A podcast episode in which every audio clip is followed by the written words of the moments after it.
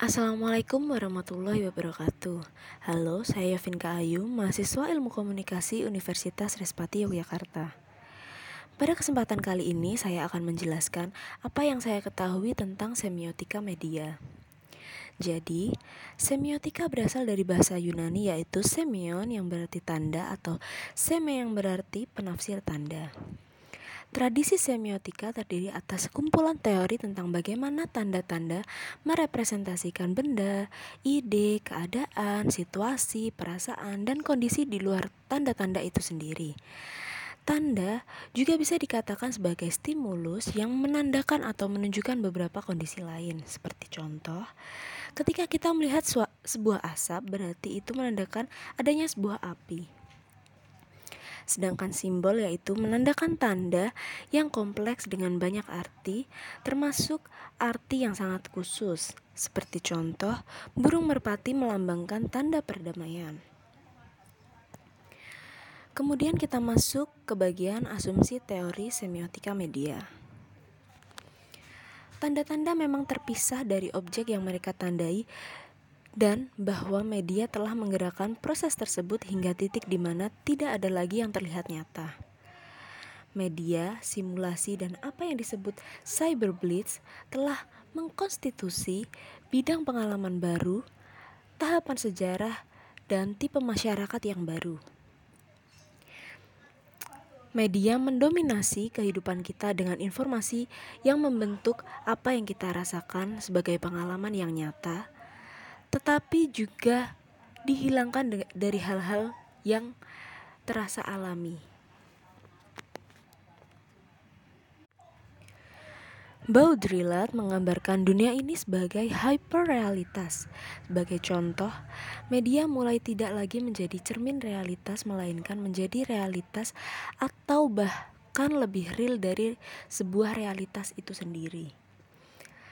Hyperrealitas adalah efek keadaan atau pengalaman, kebendaan dan atau ruang yang dihasilkan dari proses tersebut.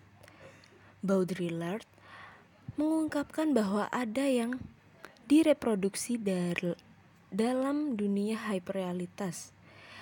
Tidak saja realitas yang hilang, tetapi juga dunia tak nyata seperti fantasi, mimpi, ilusi, halusinasi, atau science fiction.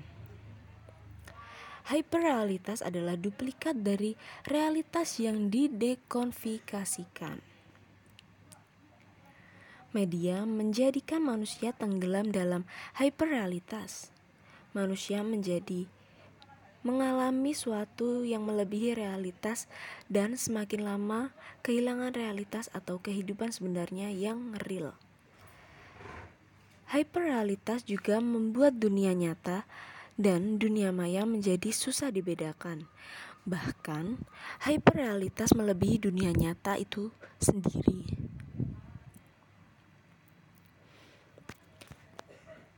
Baudrillard juga menyatakan bahwa dalam masyarakat kapitalisme lanjut atau late capitalism, nilai guna dan nilai tukar telah dikalahkan oleh sebuah nilai baru, yakni nilai tanda atau nilai simbol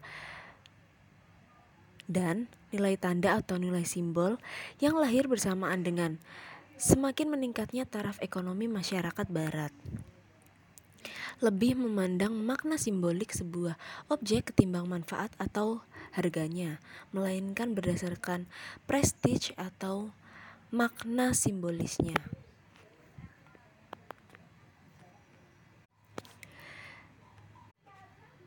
Saat ini, media memang telah berhasil membuat realitas baru yang selalu mengedepankan hal-hal yang sempurna yang membuai manusia.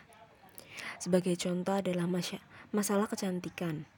Media begitu apik membuat realitas tentang kecantikan bahwa kecantikan itu adalah wanita yang memiliki kulit putih, hidung mancung, alis yang rapi, dan sebagainya. Sehingga setiap wanita yang ingin cantik maka ia harus berkulit putih, hidung mancung, dan sebagainya. Hal ini menjadikan media berhasil menciptakan tanda-tanda sebagai realitas yang baru dan lebih baik dari realitas yang sesungguhnya. Sekian yang bisa saya sampaikan mengenai semiotika media. Kurang lebihnya saya mohon maaf. Saya akhiri. Wassalamualaikum warahmatullahi wabarakatuh.